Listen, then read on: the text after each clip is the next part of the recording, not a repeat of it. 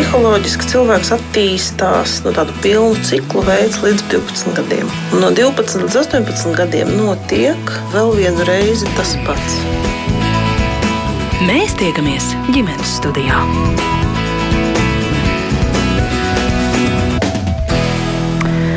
Labdien! Rādījums ģimenes studijā sāk savu skanējumu. Jūs sveicina šī radījuma producents Armīta Kolāta, un mans vārds ir Agnes Linka.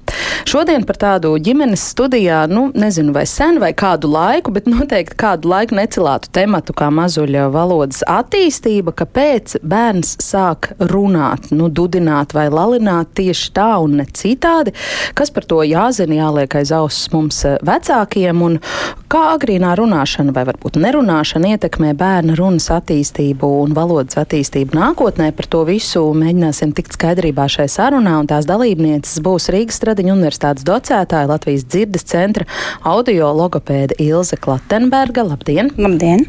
Arī dzene Rīgas Stradiņa universitātes stomatoloģijas institūta audio logopēda un miofunkcionālā terapeita Signa Brusbārda kopā ar mums šodien ģimenes studijā sveicināti. Labdien!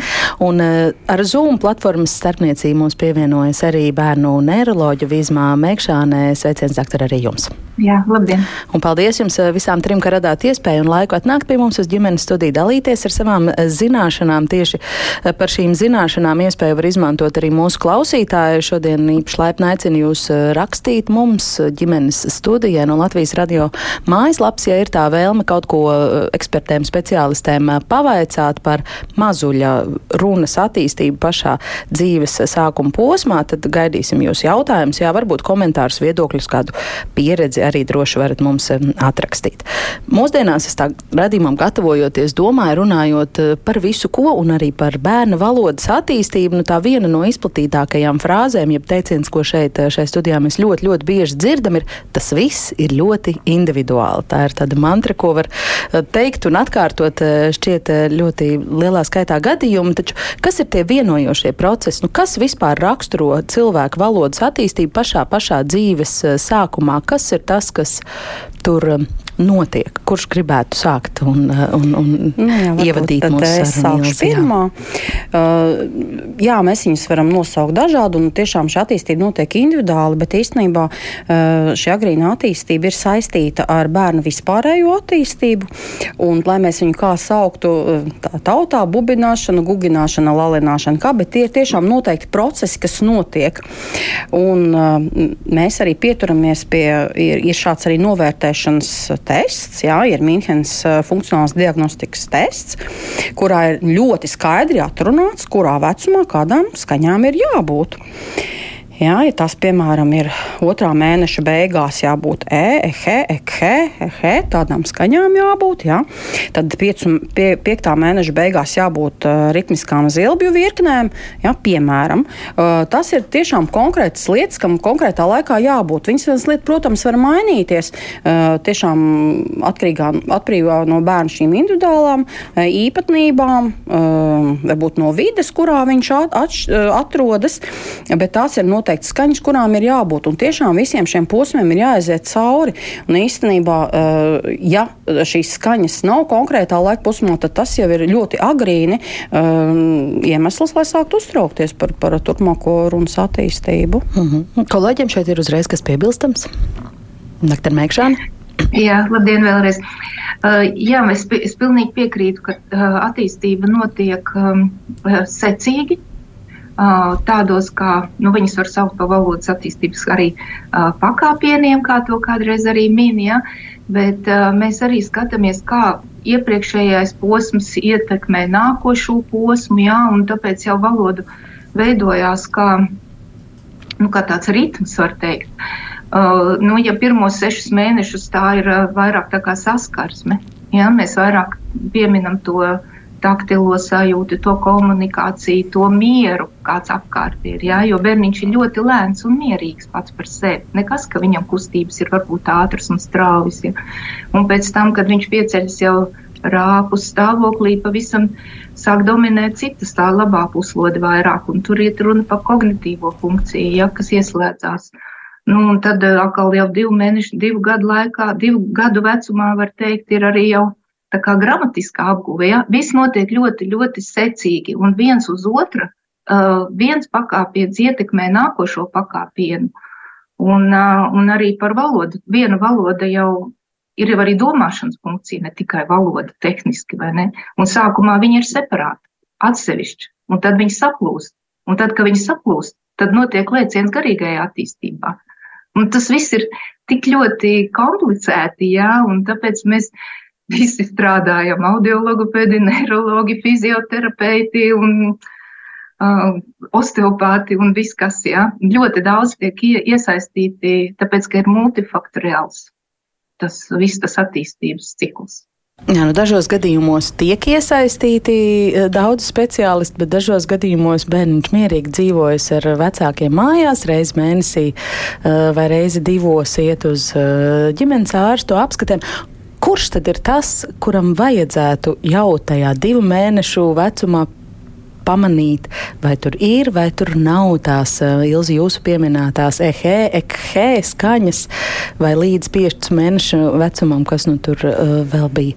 Um, Jā, nu, uh, es domāju, ka jābūt uh, vecā, vecākiem jābūt tiem, kurš sako līdz bērnu valodas attīstībai, agrīnajai. Mums reāli jābūt ir, ļoti zinošiem jā, par to. Jā, jā, jums jābūt zinošiem. Un tieši tā ir arī uh, vecāki, ir, un vecāki ir ļoti zinoši šobrīd. Ja kādreiz tā kā teica, vai vēl jau gaidām, gaidām, tu trīs gadi, četri gadi gaidām, šobrīd neko negaidām. Mums tiešām arī dzirdināt pārbaudīt bērniņš, kur at, atnāk māma un saka, mums ir septiņi mēneši bērnam, jā, bērnam neatbilst uh, agrīnā valodas attīstība. Un tiešām mēs nokonstatējam, ka kaut kāda notiek kavēšanās, meklējam iemeslu tam.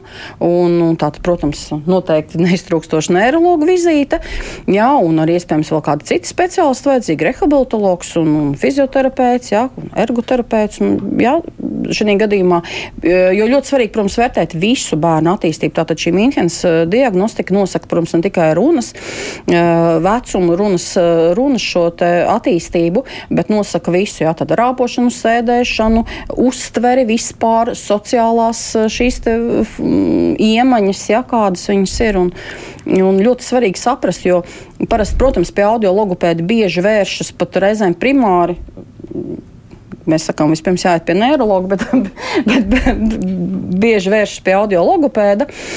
Bet ļoti svarīgi ir konstatēt, kāda vispār ir šī bērna attīstība. Mm -hmm. ja? Tā kā tagad arī šo, pēc šī te testa kaut vai arī var noteikt, ja? tad, vis, vispārējās šīs bērnu prasmes un saprast, nu, kādus vēl speciālistus vajadzēs. Ja? Mm. Signi, pie jums arī nāk tik mazi bērniši jau ar tām zinošajām mamām. Jā, es varētu pieminēt to, ka ir arī zīšanas grūtības agrīni jau, jā, ar ko mēs saskaramies arī audio logopēdi. Jā, tā kā no zīdīšanas konsultantiem tā tad arī pie mums nonāk šie tiešām uh, mazulīši, kuriem principā zīšana ir tā, kas arī sagatavo to artikulāciju pēc tam, šīs artikula, artikulatīvās kustības. Un līdz ar to kā, ir arī praksē tiešām mazulīši, kuri atnāk vienkārši ar zīšanas grūtībām. Ja, tad mēs cenšamies kopā risināt un saprast, ja, kā vilkt kopā paralēlus arī ar runas attīstību. Mm. Viņi atnāk pēc pašu vecāku iniciatīvas. Jā, ir, ir nākuši arī vecāki, protams. Pirmais, es domāju, noteikti ir zīdīšanas konsultants, kas viņus konsultē, un tad arī zīdīšanas konsultanti tālāk var atvirzīt pie audiologopēdijā. Tā kā vecāku iniciatīva ir, un tiešām jau arī agrīni. Mm. Un kurš ir tas un kāpēc, pie kādiem nosacījumiem veids šo Minhenes testu jūs pieminēto? Tad, ja kāda no šīm jomām ir nepietiekama attīstīta, tad viena no tām var būt iemesls šī kavēta šī runa. Jā, un tad, tad te tiek veikts tests, lai noteikti visas pārējās jomas, vai tiešām tā ir tikai šī runas funkcija, kas kavējās. Mm -hmm. Kas to ierosina? Vecāki parasti, jo vecāki tiešām tagad ir izglītoti, viņi seko līdzi un, un agrīni jau nosaka. Nu, vec, vecākam, ja ir kādas šaubas, protams, viņš var vērsties pie ģimenes ārsta, jā, tad nākamais ir neiroloģis vai audiologu pēc, bet nu, tā neviens cits izņemot vecāks tam nesako tā līdzi. Mm -hmm. Jo arī bieži jau aizjūt pie ģimenes ārsta, protams, tas mazais bērniņš viņš jau nedemonstrē. Viņš ir svešā vietā, mazliet nobejies, un tas, nerolo, tas ģimenes ārsts jau nemaz nevar zināt to, ka šī val, valoda kavējas. Mm. Uh, ir arī kāds klausītājs jautājums uzreiz doktora Mērķerānei. Uh, Ines vaicā, es pareizi saprotu, ka sākotnēji domāšana un valoda mazulim nav saistītas, un tad vēlāk tās savienojas. Kā to vispār var atklāt, ka nu bērnam domāšana un kognitīvie procesi ir saistīti ar valodu? tā uzreiz jau nevar tā atklāt, jā, jo tas jau nav tā, ka te uzrakstīts grāmatā un es tagad parādīšu, kurā lapas pusē. Ja. Tas, protams, tā nenotiek. Ja. Mēs jau tāpēc arī studējam un mācāmies tik ļoti ilgi, uh, lai vispār saprastu, uh, ieraudzītu, pamanītu, nojaustu, ja, nu, prognozētu kaut ko. Un tas, tas jau tāds ir komplekss, tāpēc jau mēs to studējam tās lietas. Ja? Jā, tas es, es to varētu vēlreiz atkārtot, jā, tāpēc, kad zīdainīts varētu teikt reflektīvi atbild uz, uz nu, pieaugušo vai cilvēku, kas viņu aprūpē, ar intonāciju, ar sejas izteiksmi, ar šo, ko viņš nedomā tajā brīdī. Ja, tā ir reflektūra, viņš ir vienkārši atkārto, uh, jo valoda jau nu, kā tāda. Um, Viņš valoda jau neiedzimst kā valoda, ja? viņa iedzimst tikai kā tāda specifiska uzvedības modelis. Un gramatika jau nu netik neiedzimst. Ja? Un to mēs visu tad ar to domāšanu, atkārtošanu un tālāk tas viss veidojās, protams, katrā vecuma posmā. Vecāki nojauš parasti, ka kaut kas nav tā kā vajag parasti tā kā nojauta tikai. Un, un visbiežāk tas ir arī ar noraidījumu. Ne, nevar būt. Mums jau tā visiem bijis, ir mūsu ģimenē vēlāk sākam runāt, pagaidīsim. Tad atkal bērnu dārza audzinātāji jau sāk iejaukties. Tad jau, jā, laikam tomēr jāaiziet pie speciālista. Bet vēl ir bailes par to, ka kaut kas mums atklās, ja? ka bērns ne tāds. Tāpēc arī vajag, nu, viena lieta ir izglītošana, ja? un, nu, es domāju, pieejamība mūsu valstī ir pietiekoši. Jā. Tīra lai izslēgšanas tādā nu, nozīmē, ka bērnam viss kārtībā. Jā. Jā, tā es piekrītu. Es vēlreiz varu atkārtot to pašu. Jā. Bet par, par, par tām problēmām varbūt drusku vēlāk runājot par to normālo, tipisko attīstību, vēl nedaudz turpinot. Nu, tā tad jūs iesākāt līdz divu mēnešu vecumam ir šīs viena veida skaņas, līdz piecu mēnešu vecumam atkal tur ir posms, kurā tad tās raksturīgākās būs. Nu, cik atšķirīgi ir tas, kā, kādas skaņas, kurš tur dudina vai uh, lalina, un visi droši vien tā kā pēc grāmatas nesāk tajā vienā veidā. Un tas jau droši vien arī uzreiz nenozīmē, ka ir kādas eh, lielas eh, problēmas ar bērnā attīstību. Ir, nu, ir, ir tīri tā arī, es nezinu, tur klusāki un runātīgāki bēbji. Nu, droši vien, Signi? Jā, nē, īstenībā par tām skaņām secīgi viņas attīstās. Viņas nevar pēkšņi no līdzskaņa attīstīties pirmie. Ja? Tad, tad secīgi mums ir šī patskaņu attīstība, tad pievienojās rīklis skaņas. Kaut vai lai mēs bērniņš kādā pozā guļ, jaundzimušais guļ vairāk uz muguras. Tātad šīs skaņas viņam veidosies tā, kā tas ķermenīts viņam ļaus tām skaņām veidoties. Bērniņš paliek kustīgāks, viņš sāk vēlties, viņam pievienojās jau arī lūpu skaņas, pēc tam mēlis artikulācijas. Ja? Tā kā tas viss noteikti ir secīgs process. Ja mēs runājam par klusākiem bērniņiem un runātīgākiem bērniņiem, protams, ir tendences, ko mēs varam novēro, novērot, ja? kad ir, bērniņi ir dažādi, bet tomēr ir šīs, nu, principā, nu, tie, tie sarkanie karogi, ko tad mēs skatāmies? Kaut vai trīs mēnešos eh, šo sociālo smaidu, jā, mēs vērtējam, vai bērniņš atbild, lai ir šī komunikācija pieaugušiem ar bērnu. Tāpat arī balss modulācijas, tad, kad bērniņš nāk pasaulē, viņš var raudāt dažādi. Kad viņš grib ēst, viņš raud citādāk, kad viņš grib gulēt, viņš arī raud citādāk. Jā, tā kā šī ir tā nu, komunikācija, kā mēs uztveram šo, nu, kā tas veidojās. Jā, tas nevar tā uh, notikt pats no sevis. Jā. 嗯。Man gribētos no jums vēl izvilkt tos skaistos burtu salikumus, ar kuriem Ilze sāka. tur, tu, turpiniet, lūdzu, kas nu, vēl jā, ir tajā tad, grafikā? Jā, tad, tad, jā, tad sešos, septiņos mēnešos ir pļāpāšana, tās ir skaidrs, tā, tad, tāda zilbju artikulēšanas, jā, mainot šo skaņas stiprumu, augstumu. Nu, jā, un tad tie seši, septiņi mēneši ir ļoti svarīgi, jo uh, ir pat termiņi tādi, ka ir šī te gugināšana, tātad tās vairāk ir šīs kakla skaņas. Un tās ir tādas nepatvaļīgas, tās ir visiem bērniņiem vienādi attīstās. Un tad, kad jau ir šī pļāpāšana, tas jau ir tāds apzināts jau process, ka viņš jau tā kā veido to dialogu, viņš jau, jau sanāk, un mamma jau viņu atpazīst, un tur viņam tāds bā, bā, un mēs, oh, bā, bā, bā, un viņš atbild arī savu bā, bā, bā. Un tas jau ir tāds jau tāds tev dialogs veidojas starp, starp mammu un bērnu, nu ne tikai mammu ar, ar vecākiem. Ja? Mm -hmm. nu, lūk, un, un tāpēc šis ir tāds moments ļoti svarīgs, pēc, kas strādāja bērniem dzirdes traucējumiem, jo šajā mirklī tie bērni, kuriem ir dzirdes traucējumi, viņi pieklust. Ja? Tad, kad viņiem tieši būtu viņi nonākuši līdz tam gugināšanai, viņiem jāpāriet šajā lalināšanas procesā, tad šie bērni pieklust. Ja? Tad, tas ir tādas lielas bažas, kas tad ir noticis, tādā veidā var atklāt arī ļoti saulēcīgi arī šīs te, uh, dzirdes problēmas jā, piemēram. Nu, lūk, tad, bet arī šim astotajam mēnesim savukārt ir tāda raksturīga čukstēšana, jo viņš tagad sāk sevi jau tā sākumā skaļi, skaļi, un tad viņš šur tāda klusiņām saka, viņa saucās čukstēšana. Jā. Nu, lūk, un tad 9. mēneša beigās atkal ir, atkal ir šīs skaidras tādas dubultzilbju artikulēšana, nu tad būs tas, ko vecāki saka. Viņš jau saka mums mamma no deviņiem mēnešiem. Nu, nav gluži tas mamma, jā, jo tas būs mamma, mamma. Jā, mamma, mamma, dubult zilbes tās ir, jā, mamma, mamma, te, te, te, da, da, da, da, da, jā, un tad katrs to interpretē, kā, jā, viņš teiks tā, tā, tā, un viņš mums saka tētis, un mamma, mamma, tad saka mamma, nu, kā gluži tā nav, bet uz, uz, uz gadu gan mēs gaidam šos pirmos vārdus. Ja? Nu, man tā formula ir tāda, ka uz gadu ir jābūt 3 līdz 10 mazajiem vārdiņiem. Mama, tete, amam, ņem, ņem, vau, vau, ņau, ņau. Ja? Tādiem maziem vārdiņiem ir jābūt. Tā ir tāda laba norāde. Mm. Ja. Kolēģiem vēl kaut kas, eh, ko papildināt, vai piebilst, vai akcentēt eh, Ilzas teiktajā nu pat? Es, es atkal varu piekrist, un korifeja ir.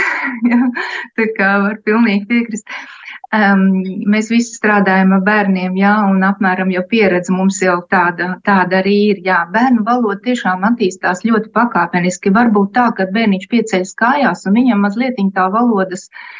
Um, uh, nu, tā vārdu daudzums pēkšņi samazinās, vai arī viņš neiet uz priekšu tikai tāpēc, ka viņš mācās staigāt. Viņš nevar varbūt tās lietas salikt tā kopā, bet nekad nav regress.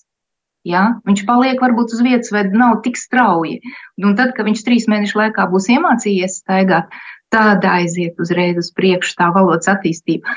Tad reizēm viņš var pieklust, tiešām mazāk runāt, ja? jo notiek kaut kāda cita attīstības posms. Un tad atkal viņš sāk runāt. Tāpēc arī viss ir lēcienveidīgs, bet nekad neregresē. Tas to grib. Signe? Par šo domājot, piekrītat, ka var būt arī tādi pa pauzītes, tādi Protams, mm. jā, jā, tas arī ir vērojams arī, tieši kā jau minēja, staigāšanas apguve, bet arī nu, ir arī runas attīstībā, nu, kad mums ir straujāk ejoša attīstība, bet viņa nekad nav, nav regresējoša. Jā.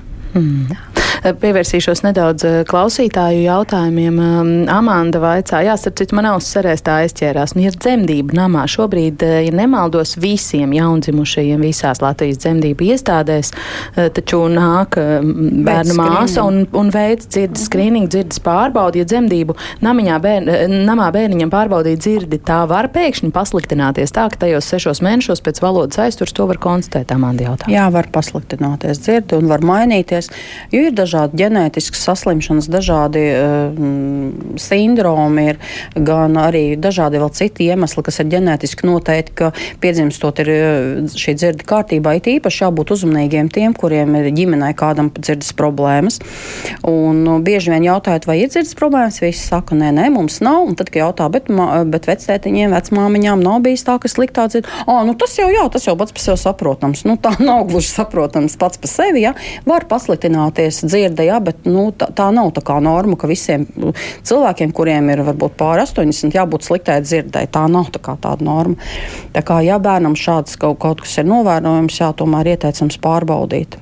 Mm. Jā, ja pēkšņas tādas izmaiņas. Jā, un nākamais posms ir tas, ka bērniņš jau kļūst tāds aktīvs. Tas var būt, kad kādreiz mēs saistām to, tas tiešām tā var būt, ka viņš pieklust, viņš ir aktīvs, sācis staigāt, bet tad, kad viņš sāk staigāt, viņš attālinās un aiziet no mums tālāk. Un tas ir tas laiks, kad mēs varam pamanīt arī, o, bērniņš kaut kā sācis sliktāk ir atsaukties jau uz savu vārdu, neatsaucas. Tātad, kas noticis, mainās attālums. Ja? Un tāds neliels dzirdes kaut vai traucējums, tā kā mēs jau māma ar bērniņu ir tuvu, ja? un mēs runājam tātad pie sejas, viņš redz labu lūpu kustības, un mēs runājam, mēs jau tur nečukstam, bet runājam normāli ar bērnu. Jā, tātad tas attālums ir vēl bērnam vēl pietiekams, lai sadzirdētu, bet tad šajos te viņš ap gadu vai kā kuram bērnam attīstās šīs tēlās, viņš aiziet tālāk, jā, un viņš vairs jau neatsaucas. Jā. Tā kā arī tas tad, tad jābūt ir uzmanīgiem. Ja? Tad, tad tur arī jāizvērtē tā jā, ir, jā, jā, jā, arī tad vajag izvērtēt dzirdes pietiekamību. Jo arī, nu, tā veicot, veicot kādreiz varbūt. Uh, ir, ir šobrīd mēs redzam, ka ir tā tendence, ka diezgan agri bērniņi tiek um, izrakstīt uz mājām pēc zemdībām. Kādreiz varbūt arī netiek veikts šis skrīnings, vajag noteikti būt pārliecinātiem, vai tiešām viņš ir veikts, bet arī var, diemžēl, notikt arī dažādas izmaiņas arī pēc tam. Jā. Mm -hmm. Ja.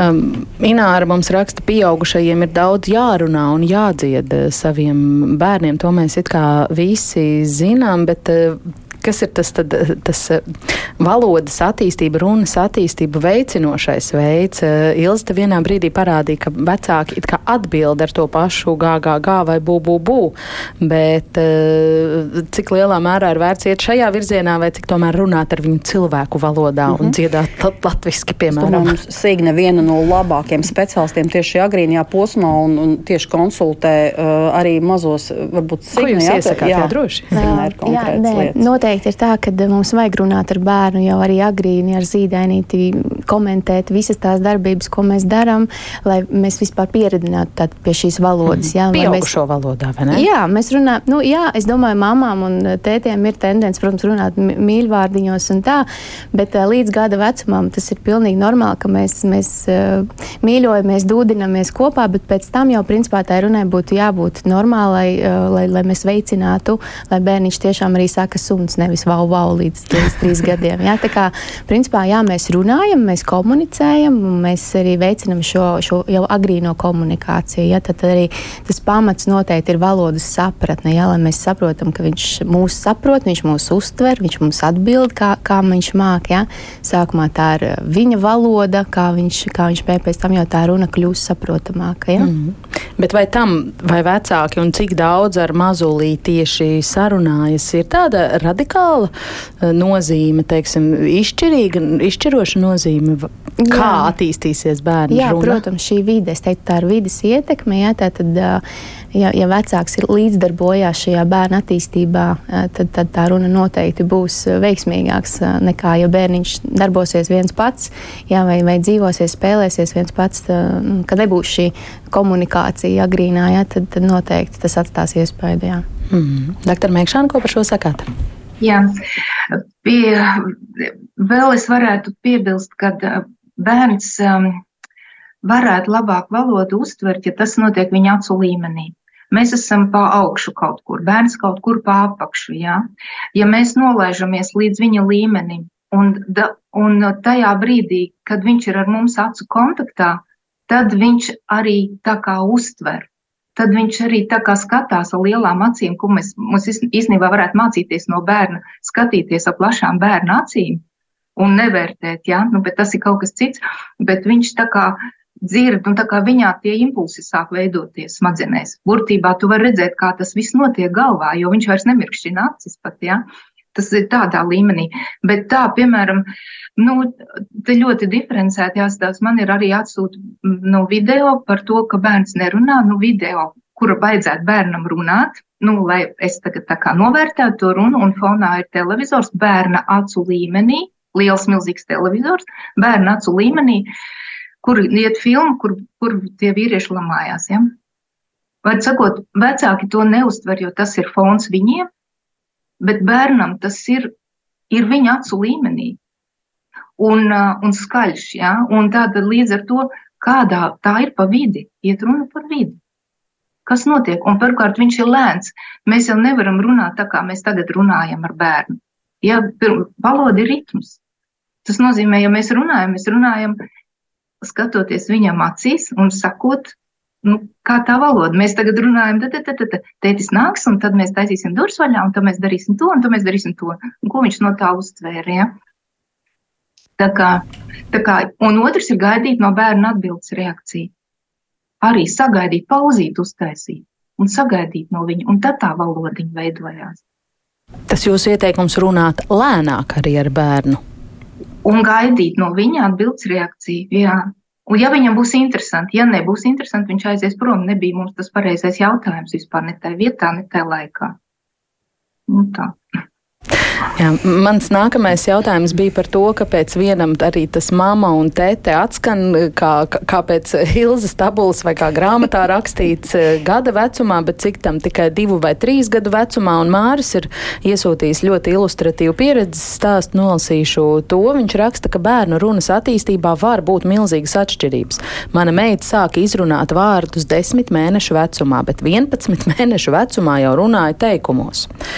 Bet dēls sāk izrunāt saprotamus vārdus tikai neilgi pirms trīs gadu vecuma, toties piecu gadu vecumā viņš jau prasmīgi runāja un rakstīja latviešu valodā, kā arī prata uztvert angliski runāto, nedaudz runāja un pat rakstīja angliski. Pasaules atlantu un valstu karogus pazina no galvas. Nu, tiešām pastieties, vienā ģimenē e, šādas atšķirības tēcis ir novērojis. Jā, nu tās ir tādas varbūt e, tiešām ļoti, bet tādi nu, nu, nav tik bieži. Jā, procentuāli, protams, ka tādi bērni ir, kas, kas ļoti, ļoti laicīgi runā, bet mēs tā Nu, mēs tā mēģinām par to, to to vi, vidusmēru jā, jā, jā. jā, par to, kā, kā tas tomēr populācijā notiek. Mm. Jā. Protams, ka jā, šādi bērni arī pie mums nenokļūst. tas, kurš ir sācis eh, saprotamus vārdus teikt neilgi pirms trīs gadu vecuma, un pēc tam ir izrādījies intelektuāli lieliski mm. attīstīts cilvēks. Jā, bet es domāju, ka tur vecāki ir bijuši pārliecināti par bērnu valodas sapratni, jo tas mēs visu laiku šobrīd runājam par runu, jā, bet uh, nākamais, ko ir, kas ir vēl svarīgāka daļa, ir šī valodas sapratne izpratne. Un, ja vecāks ir, eh, vecāks ir, nu, ir pārliecināts, ka bērns saprot ļoti daudz, viņš var parādīt priekšmetus, viņš paskatās pareizi.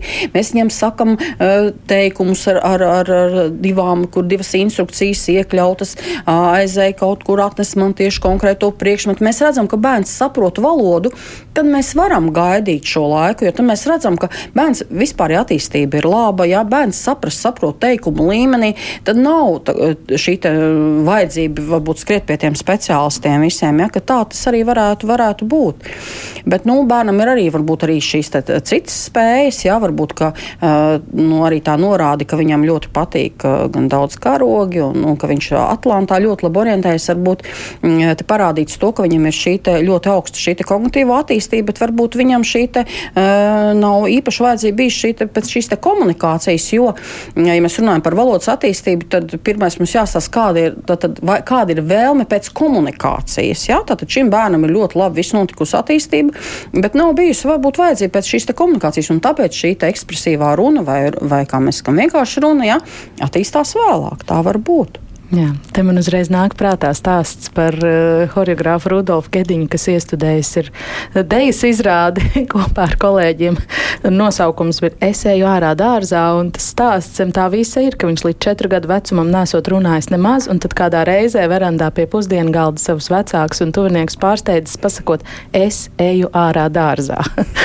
tie ir bijuši viņa pirmie vārdi un pirmie teikumi arī vēl. Signījums arī praksē ir tādi gadījumi, ka atnāk, es nezinu, teju trīs gadnieki gadnieks vai varbūt jau trīsgadnieks, kurš ir ļoti neverbāls un, un, un adekvāts, un viss viņam ir kārtībā, un zīdīšana ir izdevusies, un nav saprotams, kāpēc tā ir gadījies. Jā, jā ir bijuši vairāk. Jums ir teorija, kāpēc tie bērni um, tā vēlāk tomēr sāk? Nu, runāt? man varbūt pieredzē vairāk, varbūt tāds uh, trešā bērna sindroms ir bijis, nu ne sindroms, bet nu, tā kā trešā bērna tāda, tāda lieta, ka nu, bērnam varbūt nav īsti vajadzības bijis runāt, ka viņš varbūt grib sev kaut kā um, pievērst pievērst īpašāku uzmanību. Nu, tāds psiholoģisks vairāk ir aspekts, ja, bet tas nesaistās varbūt ar tādiem uh, traucējumiem runas, kā mēs to saprotam. Ja. Tieši jā, ietverot to, ka valodas sapratne ir, uh, ka viņš veic visas instrukcijas, vienkārši nu, tā runa mm, nāk vēlāk. Jā. Mm. Nu, bija arī laikam kaut kāda anekdote par to sāļo ēdienu, kurš visu laiku bija labs, un tad, kad vienreiz bija sāļš, tad bērniņš sāka runāt. Doktori, jūsu praksē novērojumi par šādiem jā. gadījumiem, kaut kas piebilstams par to? Jā, ir, ir gadījumi arī tieši tāpat. Tā, šie gadījumi ir. Bet, nu, atnākot uh, pie neiroloģa, um, mēs tur tā neļaujamies. Tomēr, kad mums pasaka, tā, tā var, nu, ka mums tā ģimenē ir, ja, mēs tomēr skatāmies pa visām funkcijām un pa visiem līmeņiem, ja, jo neiroloģa darbs ir vispirms izslēgt slimības, zem kurām var maskēties šie valodas attīstības aizturi. Un tādas slimības, nu, varbūt nevajadzētu par slimībām īpaši runāt, bet tas ir mūsu darbs, neiroloģa darbs. Mēs to visu izslēdzam, ko varam. Un tad arī skatāmies, kā mute, visas tās mutes aparāts, ja, jo tie ir muskuļi. Un tas ir ļoti sarežģīts aparāts, tā nav tikai mēli. Tur ir, tur ir tik sarežģīta tā konstrukcija kopā ar visu dzirdi, ar, ar to uztveri, ja, un, un tas viss notiek smadzenēs. Visa tā, tā pārstrādāšana un tā informācija. Tas, tāpēc jau arī tiek visi izslēgti. Nu, medicīnas darbs ir vispār izslēgts sliktās lietas. Lai mēs varam strādāt ar to, kas mums ir palicis. Ja. Tā kā, un, tā, jā, ir tādas situācijas, kad mēs skatāmies tomēr to intelektu, kopējo intelektu, un kad ir attīstība uz priekšu. Un uh, varbūt tā, ka nerunā, nevis nerunā, runā, un vecāki saprot, neviens cits nesaprot. Teikums veido kaut kādus nesaprotamus, bet skatās acīs, un viņam ir skaidrs, ko viņš saka. Un tur mēs tā pa centimetram ejam, kamēr varam var saprast un nojaust, ka šeit laikam nekas, ne, ka mēs varam šo bērnu palaist. Nu, tikai vai nu tad muzikas terapiju liekam klāt kā ritmu, jo muzika ir ritms. Tad mēs skatāmies arī, starp citu, tagad pēdējā laikā viņa labāk runā angliski nekā latviski. Un, ja viņš runā angliski, viņš tomēr runā. Viņš tomēr runā, nu, un tad ir tā gudrība tagad pārslēgt viņu uz to latviešu valodu. Tā ir īpatnēja attīstība. Mēs viņu sakam, tā ir savdabīga specifiskas attīstības gaita. Man ir arī bijis tāds gadījums, kad bērns it kā nu, nerunā, ja nerunā, nerunā, labi, pie, pie manas pieņemšanā viņš var arī nerunāt, bet ejot ārā pa durvīm, viņš pasaka, protams, un tas ir ļoti sarežģīts vārds, tā kā viņš runā. Un tad ir attiecīgi kur mēs liekam tos akcentus, vai tā ir dzirdamība, vai tā ir tīri kaut kāda komunikācijas lieta. Mhm. Es atgādināšu, ka ģimenes studijā mēs šodien runājam par uh, agrīnu mazuļu valodas um, attīstību un bērnu valodas uh, attīstību un ko par to būtu vērts uh, zināt jaunajiem vecākiem. Un sarunas dalībnieces ir audiologopēdes Ilze Klatenberga un Signa Brūsbārde un bērnu neiroloģa Vizma Meikšāna mums pievienojas attālināt. Atgādināšu, ka arī jūs klausītāji varat izmantot iespēju kaut ko pavaicāt speciālistēm un daži mūsu klausītāji jau to dara aktīvi. Ines vaicāt, daudz tiek runāts, ka sīkajai motorikai un tās attīstībai liela nozīme valodas attīstībā. Kāpēc tā, kā tur notiek tā saistība? Droši vien, doktor Mekšana, tas jums, jā? Jā. jā, jā, jā, tam ir ļoti liela nozīme, jo uh, kustības ir uh, sīkā motorika, tas ir tad, kad bērniņš strādā ar rokām, mēs varam redzēt, ka viņam kādreiz mēlu kustās. Tas ir sinhroni, tas pieaugušiem tā jau vairāk nevajadzētu būt bet bērniem strādā viss ķermenis. Viss viņš ir iekšā, viņš ir ar emocijās vienmēr iekšā, viņš ir arī tajā, kas notiek tajā notikumā. Ja? Un viņš ir tik aizgrābts, ka mēs ar to sīkā kustību tā ir tāda, um, tāda sajūtu lieta, un, uh, un reizē tā ir arī sīkā motorika, kas notiek tajā elpošanā un tajā, kas notiek mutes kustībās. Ja? Un tas ir viss ir saistīts ar smadzeņu darbību. Un tad varbūt man te anatomija tā kā varbūt nevajag skaidrot, jā. Ja? Bet, eh, bet tā ir eh, tiešām viens ir, ka lielās kustības, cik tu esi ģeometriski nu, tāds stabils, tāda ir tava apziņa. Un tāda ir arī būs tā valoda. Mēs jau vienmēr skatāmies arī kustību aktivitāti. Cik tu esi koordinēts. Nu, no lielām kustībām ejam uz sīkajām kustībām. Tas ir sīkā motorika, sīkā valodas, um, nu, tā izruna un tā smalkums, kaut vai čukstus, kaut vai vokalizācija. Tas viss ir tik ļoti, ļoti saistīts. Noteikti sīkā kustībām ir noteikti liela nozīme, tāpēc, ka tas viss kustina tos sīkos muskulīšus, kas mums ir rīklē, vaigos, nu, visās malās, un kas iedarbina to, um, tos nervu, nervu ceļus, tos impulsus. Nu, tam ir tāda, jā, ļoti daudz speciālistu strādā. Mums vajadzētu veselu komandu īstenībā. Mums vajadzētu tādu centru, kas to visu tur. Jā. Tā vecāki iet no viena, viena pie otra. Nu. Varbūt šeit eh, klātesošajām speciālistēm arī ir kaut kādi praktiskie padomi. Nu, tad, kad tas bērns ir pavisam maziņš, tur tajos 6, 9 vai 12 mēnešos, tad, kad mēs viņam vēl nedodam sīkās uh, LEGO detaļiņas un tādas lietas, kā to sīko motoriku veicināt. Uh, jā, nu mazulīšiem noteikti ir daudz uh, aksesuāri jau pieejami, ja čaukstoši, mīkstāki, cietāki, ko mēs varam paijāt, sataustīt, ja tās pašas uh, roku mutes koordinācijas veicināšanā, ja tā kā ir ļoti, ļoti daudz tas klāsts, bet uh, bet arī vēlāk mēs varam, eh, nu, varbūt nedot gluži LEGO klučus, bet mēs varam sākt, nezinu, lielām pogām, sākt mēģināt uh, sataustīt podziņas, un tādas, tādas sajūtu vairāk šos, šos, šos elementus pievienot, jā, attīstībā. Mm. Es gatavojoties šim redzējumam, lasīju arī dažus rakstus, un vairāk jūsu uh, profesijā strādājoši kolēģi uzsvēra, ka bērnu valodas attīstība šobrīd caurmērā notiek nedaudz eh, vēlāk, un ka tas varētu būt saistīts ar moderno tehnoloģiju klātbūtni mūsu ikdienā, ar ekrāna ierīču lietošanu un tam līdzīgi. Cik lielā mērā jūs tam piekrītat? Nu, jā, ir, ir, ir, ir, ir mazliet vēlāk, tiek, bet nu, šobrīd tiek pārstrādāts arī normas, arī pēc šī Mīnhenes testa tiek pārstrādāts normas, un viss notiek mazliet vēlāk, bet tas ir atkal ir individuāli. Tas ir atkarīgs tik ļoti no vecākiem. Protams, ja vecāki daudz lieto šīs tehnoloģijas un mājās jau mazs bērns, jo tiešām tie telefoni viņam pievērš uzmanību, un, un ir bijuši tādi gadījumi, ka bērns sāk raudāt, un ka teica vienkārši slēdz telefonu un midžina gar acīm, liekas, tiešām tad, kā jūs bērnu gribat nomierināt ar šo te telefonu, jā, tā kā neizmanto cil cilvēki. Mēs, es domāju, ka mēs paši mainamies.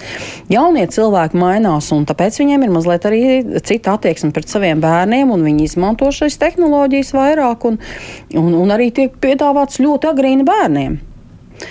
Un, eh, ja bērnam jau ir jau, jau kādas varbūt nelielas problēmas, tad uh, tas vēl vairāk pastiprina to, ka tas, tas ko mēs piedāvājam, eh, tehnolo šīs te tehnoloģijas, visas ir visas multfilmas un YouTube, visas mutnīcas, ir ļoti krāsains un ar ļoti tādiem efektiem.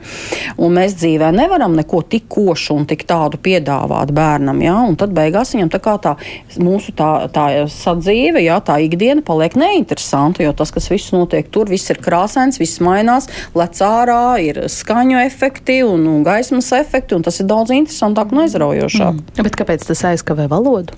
Uh, nu, kaut vai mēs skatāmies to komunikācijas aspektā, ja, ja bērns uh, planšetā vai telefonā, viņam ir komunikācija ar telefonu. Viņš īsti varbūt viņam nav interesanti, kā jau Vils minēja, vispār komunicēt, runāties, jo viņam ir citi, citi stimuli, citas aktivitātes, un, un tāpēc tā runa arī principā neno, nenotiek tā, kā vajadzētu. Mm. Daktar, jums par šo viedoklis? Jā, man ir nu, tādā veidā, ka uh, tas ir pasīvi. Viņš skatās, un viss. Viņam nav iespēju runāt ar to. Ja, jo viņa būtībā, būtība būtu uh, iet ārā pagalmā un šo to visu piedzīvot pagalmā ārā kustībās, kur var redzēt apvārsni un tās emocijas, kur tu vari sarunāt, izkliegt, izraudāt, eh, emocionāli atbildēt. Šeit viņš ir sastins, es teikšu, pat elpošana bērniem ir savādāk izmainās, kad viņi skatās to, tos ekrānus. Ja? Var teikt, ka viņš elpo ļoti virspusēji, diafragma jau vairs neelpo ar tādu pie tām emocijām, ko viņš redz pasīvi, un viņam nav iespēju tajā visā piedalīties. Un līdz ar to viņš nobloķējās tur nav vairs runa, runa vispār runai nav vietas. Tur. Anija arī nevar aizmukt no tā. Jā, tas gan. Anija rakstīja, bērniņš ir raudulīgs, vai varbūt tā, ka šī agrīnā valodas attīstība aizkavējas. Kad tad bubināt? Man ir trīs bērni, un liekas, ka mierīgākie sāka runāt agrāk un ar plašāku vārdu krājumu. Nu, kāds iemesls bērniņam, ka viņš ir raudulīgs. Te arī noteikti doktorē būs kaut kādi komentāri. Jo bērns nu, tāpat vien, ja viņam viss ir kārtībā, viņš neraud. Nu, viņš ir raudulīgs. Veids, ne? Bet nu, raudulīgs nu, būs kaut kāds iemesls, vai viņš slikti jūtās, varbūt viņam ir kādas um, problēmas tieši veselības, kāpēc viņš ir raudulīgs. Un tad, ja mēs paši slikti jūtamies, mēs arī nevaram, nu, piemēram, ja mums ir kaut vai, nezinu, mums ir stiprs iesnas un sāp galva, mēs iesim mācīties, sāksim ķīniešu valodu valodu mācīties mums būs viegli, mums arī būs grūti. Tāpēc tas, tad, tas lai mēs, ja mēs labi jūtamies un mēs esam atpūtušies, mums arī vieglāk uztveram visu. Tāpēc arī varbūt šis bērniņš, ja viņš ir raudīgs, tur ir jāmeklē iemesls, kāpēc. Nu, dažreiz tā sauc par, par, par mazuļiem ar augstākām prasībām, vai kā nu tur bija tas uh, jēdziens tādā gadījumā. Tas arī var būt, ka valoda attīstās uh, vēlāk, tāpēc, viņš daudz enerģijas izliek komunicējot ar mums dažāda veida raudās. Jā, viņš tā kā varbūt žēlojās, un viņam nav, nav laika pievērsties, ieklausīties, jo viņš čīkst, jā, jo, lai valoda attīstītos. Un te mēs arī ko runājam par to, jā, mēs varam runāt par runu un par, par to, kad kā sāk runāt valodas sapratu, bet vis, visam tam pārstāv šī lielais tas kupols ir komunikācija. Ja? Tā ir vēlme komunicēt. Ja, mm. ja mums nav vēlme komunicēt, tad mums arī neattīstās priekš, kā mums tā runa vajadzīga. Ja? Tad mēs vienkārši krāmējam un darbojamies, un mums nevajag ja, šo runu. Un tas var būt viens no iemesliem, kā šīs komunikācijas problēmas tā ir diezgan aktuāla arī šobrīd problēma. Mhm. Ja mēs skatāmies pēc attīstības, jā, tad mazulītam raudāšana viņai vajadzētu būt tad, kad viņš ir izsalcis vai viņš ir noguris. Normālā kārtā bērniņam viņš varētu, viņam būtu jānomierinās, kad mamma viņu paņem rokās, jā, un kad šī, šī raudāšana beidzās.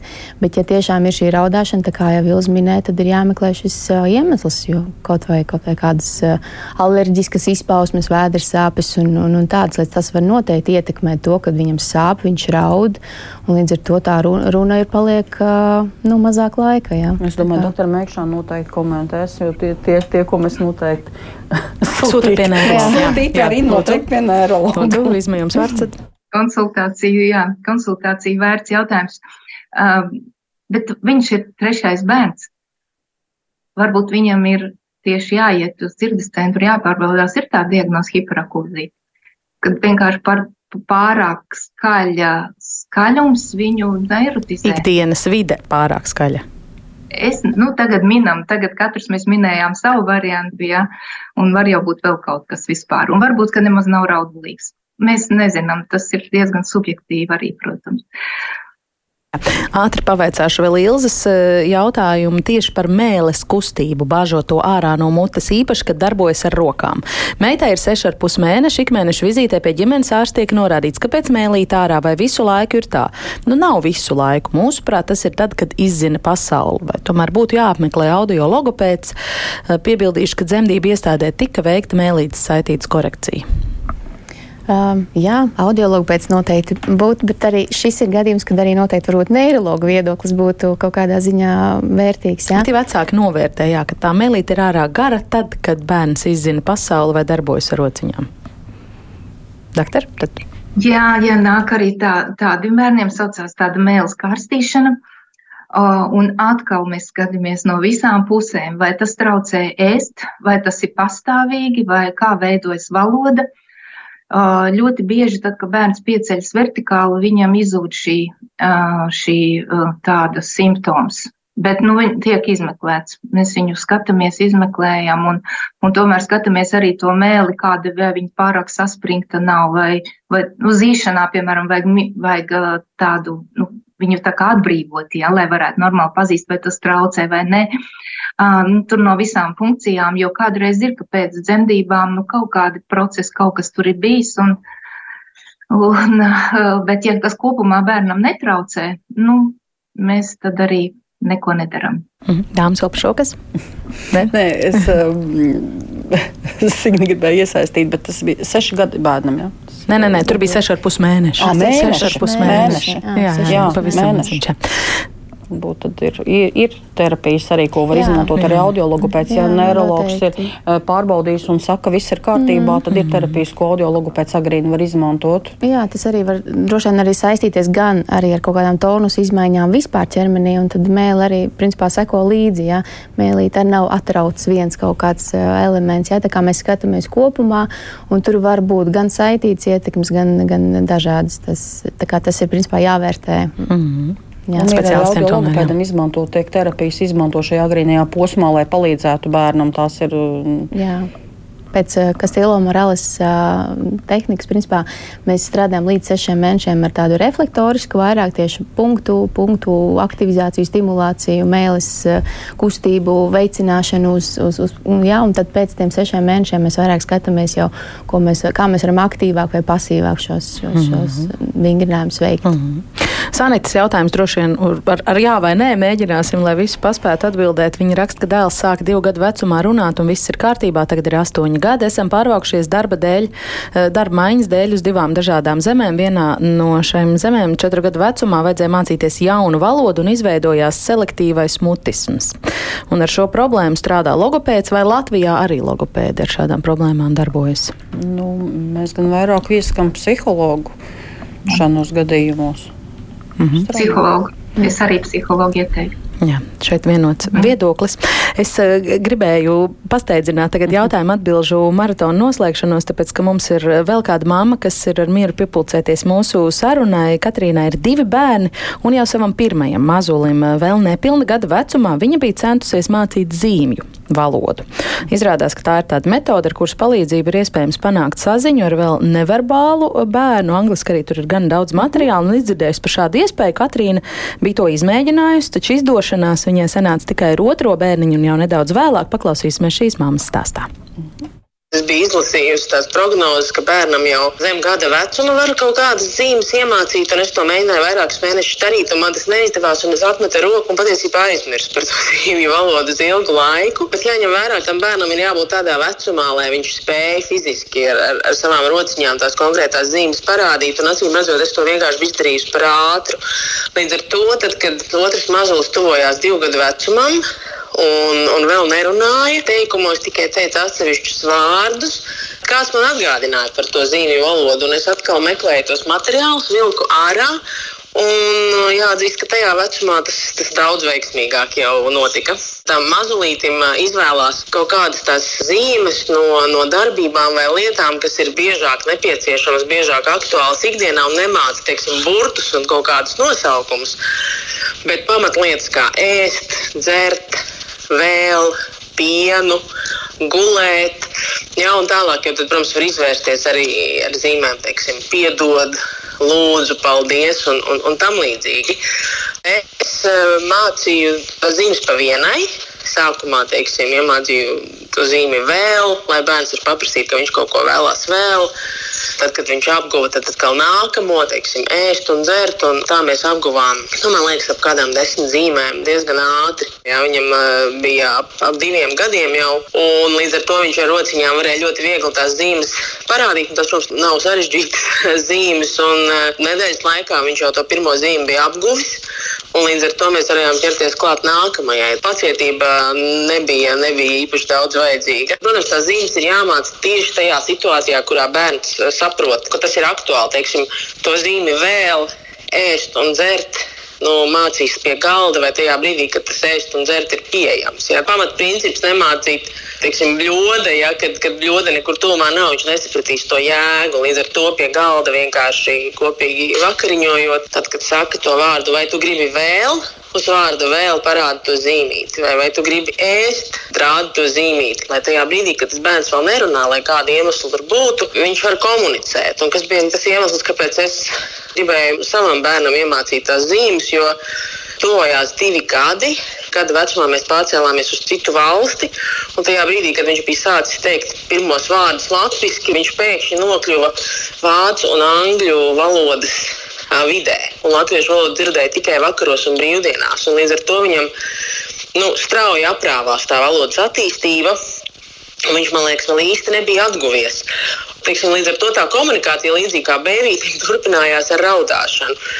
Un tuvojoties divu gadu vecumam, protams, nu, to raudāšanu katru reizi, kad bērns mēģina tev kaut ko pateikt, tad nesaprot, ko viņš grib. Ir, ir diezgan grūti arī izturam vecākam. Jā, līdz ar to tā interese bija mums apusē, lai viņam nav tik daudz jāraud un jākliedz, kad viņš kaut ko grib, lai viņš to var nokomunicēt un lai es to varu saprast. Un kas ir ļoti interesanti, ka daudz uzdot to jautājumu, vai tas nu, neapturēs valodas attīstību. Viņš visu rādīs ar rokām. Nē, tas tā nenotiek. Jo pirmkārt, katra darbošanās ar rociņām un pirkstiņiem, kā zināms, valodas attīstību veicina.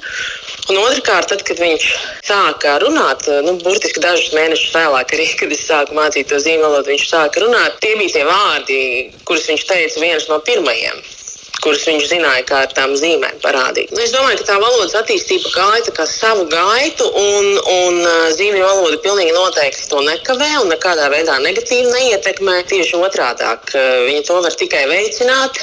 Nu, jebkurā gadījumā atvieglot to ikdienas komunikāciju un arī vecāku un bērnu attiecības, vecvecāku un mazbērnu attiecības, jo ir daudz vieglāk saprasties. Tad eh, pēc jūsu pieredzes, kurš ir tas agrākais vecums, kad var eh, sākt eh, šo praktizēt? Nu, droši vien kaut kur starp tiem deviņiem mēnešiem, kad ar pirmo bērnu mums vēl tas neizdevās, un, un gadu un deviņiem mēnešiem, nu vēlāk pat starp gadu un deviņiem mēnešiem, diviem gadiem, kad es sāku ar otro bērnu, tas aizgāja ļoti, ļoti ātri. Es domāju, kaut kur pa vidu droši vien, kad bērns var parādīt šīs zīmītes tīri fiziski un, un ielikt droši vien kontekstā. Man šķiet, ka pirms gada varbūt ir par agru, bet es saprotu, ka ir bērni, kuriem spēj kaut kādas zīmes apgūt arī pirms gada, droši vien individuāli. Bet katrā ziņā, nu, ja kaut kādā brīdī neizdodas, es ieteiktu to vienkārši darīt vēlāk. Un, un to es esmu ieteikusi ļoti daudziem vecākiem, kas baidās, ka viņu bērns vēl starp diviem un trīs gadiem nerunā. Tad es iesaku šo, jo, jo tad vismaz tu vari saprasties. Mums ir arī bijušas ļoti interesantas, kuriozas situācijas, kas tikai pierāda to, ka nevienmēr tu vari uzminēt, ko tam bērnam vajag. Pirms viņš to tev var nokomunicēt, jo viena no ļoti būtiskām zīmēm, ko arī māca, ir griba gulēt. Tajā laikā mazais gāja gulēt astoņos parasti. Un vienā vakarā viņš pienāk pirms septiņiem, viņš man rāda to zīmi gulēt, un es jau viņam neticu. Nē, mums vēl nav laiks iet gulēt, vēl ir, vēl ir kāda stunda. Un viņš pēc desmit minūtēm pienāk vēlreiz un atkal rāda to zīmi gulēt. Un es saku, no nu labi, vedīšu tevi gulēt. Un viņš pieci minūšu laikā man aizmiga. Tā kā tajā dienā viņš tiešām bija noguris un pārguris. Un, ja viņam nebūtu šī zīme, kā viņš varētu parādīt, viņš nu, droši vien turpinātu būt ļoti nelaimīgs un raudošs, kamēr mēs gulējam parastajā laikā. Tāda lūk, mammas pieredze pēc tam, kad saruna jau bija ierakstīta, Katrīna arī man atsūtīja ziņu, ka palīdzi un sāp ir divas vēl ļoti svarīgas eh, zīmes. Un, protams, ka tie iemesli, kāpēc bērns pat eh, du, divu gadu vecumam tuvojoties eh, daudz nerunā, var būt ļoti dažādi, bet uh, varbūt kādi īsi komentāri, jo daudz laika mums vairs nav atlicis par šo. Nu jā, zīme, zīmes neko sliktu nevar nodarīt bērnam, jo arī mēs izmantojam, protams, savā darbā zīmes ar bērniem, kuriem ir dzirdes traucējumi, kamēr ir varbūt arī šī aparātiņa nelīdz, kamēr tiek implants, tad veikt šī operācija arī tiek ieteiktas zīmes. Nenol, nenoliedzat, jā, jā, jā un tad ļoti labi sinhronas kustības. Tātad jāieskatās, jādarina. Nu, vienīgais, ko es ieteiktu vecākiem, tad, kad bērns ir sācis lietot šo zīmi, ja viņam sapratne ir laba, nu, pašiem vairs nelietot tās zīmes, pieņemt, akceptēt bērnu teikto, bet pašiem lietot tomēr nu, verbālu mm. valodu. Signe? Jā. Piekrītat? Jā. Doktor Mēkšana, tad jums noslēdzošā minūte. Jā, piekrīt. Es domāju, ka žestu valodu bērni paši jau arī izdomā. Vēl šajā gadījumā tā komunikācija ir, ka vecāki vēl to piespēlē, un es domāju, ka tajā brīdī viņi arī ar vārdiem paskaidro, ko viņi dara, un tas ir ļoti svarīgi. Jā. Paldies par sarunu šodien ģimenes eh, studijā. Teikšu Rīgas Stradiņu universitātes docētājai arī Latvijas dzirdes centra audiologopēdē Ilzē Klatenbergai. Paldies arī Rīgas Stradiņu universitātes stomatoloģijas institūta audiologopēdē miofunkcionālai terapeitei Signē Brusbārdei un bērnu neiroloģei Vizmai Mēkšānei. Šodien redzējumu veidojas Armīta Kolāta, Katrīna Bramberga un es Agnese Linka. Klausieties mūs arī podkāstos, mobilajā lietotnē, sekojiet ģimenes studijai sociālos tīklos, Facebook un Instagram uz sadzirdēšanos.